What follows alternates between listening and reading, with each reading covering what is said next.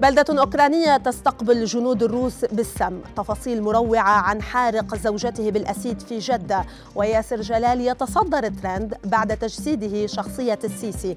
أبرز أخبار الساعات الأربع والعشرين الماضية في دقيقتين على العربية بودكاست. في اليوم التاسع والثلاثين للعملية العسكرية الروسية في أوكرانيا لجأ سكان بلدة في مدينة خاركاف إلى طريقة غريبة لمواجهة الروس. حيث تظاهروا بالود وحسن الضيافة وقدموا لهم كعكا مسموما.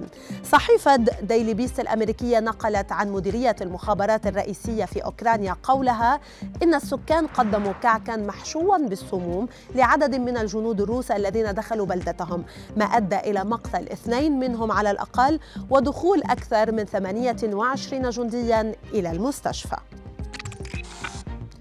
في تفاصيل جديدة حول الفاجعة التي هزت مشاعر السعوديين تمكنت الجهات الأمنية من اعتقال الجاني الذي أحرق زوجته بمادة الأسيد وقتلها وأصاب ابنتها من زوجها الأول بنفس المادة.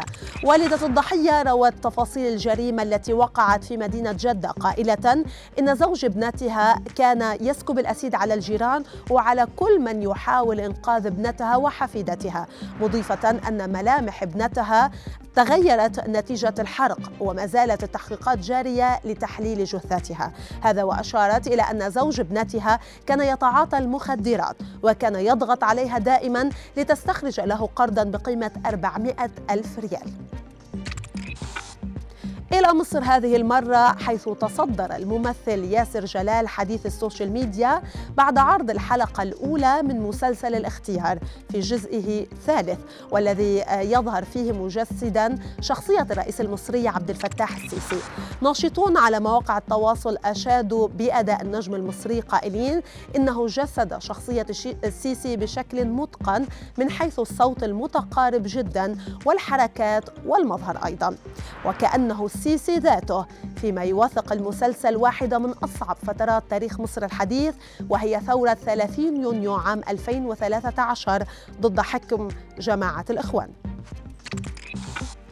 شنت شقيقة زعيم كوريا الشمالية كيم جونغ أون هجوما حادا على وزير دفاع كوريا الجنوبية بعدما أعلن أن بلاده تمتلك صواريخ قادرة على إصابة أي هدف في كوريا الشمالية بدقة وسرعة. كيم جونغ أون أو كيم يو جونغ آه، وصفت تصريحات الوزير الجنوبي بالتصريحات الخرقاء وغير المسؤولة قائلة إن كوريا الجنوبية يمكن أن تواجه تهديدا خطيرا بسبب تصريحات وزير دفاعها. كما دعتها إلى ضرورة آه، تصحيح موقفها إذا أرادت تجنب كارثة على حد تعبيرها. وفي خبرنا الأخير أثار موقع تويتر جدلا واسعا بسبب تغريدة أعلن فيها عن طرحه ميزة ينتظرها الملايين من مستخدميه حول العالم. هذه الميزة أو تويتر قال في إعلانه إنه يعمل على إضافة زر تعديل على التغريدات فيما حظيت التغريدة بانتشار واسع وسط شكوك العديد من مستخدمي تويتر في صدق نية الموقع بشأن طرحه لتلك الميزة المنتظرة.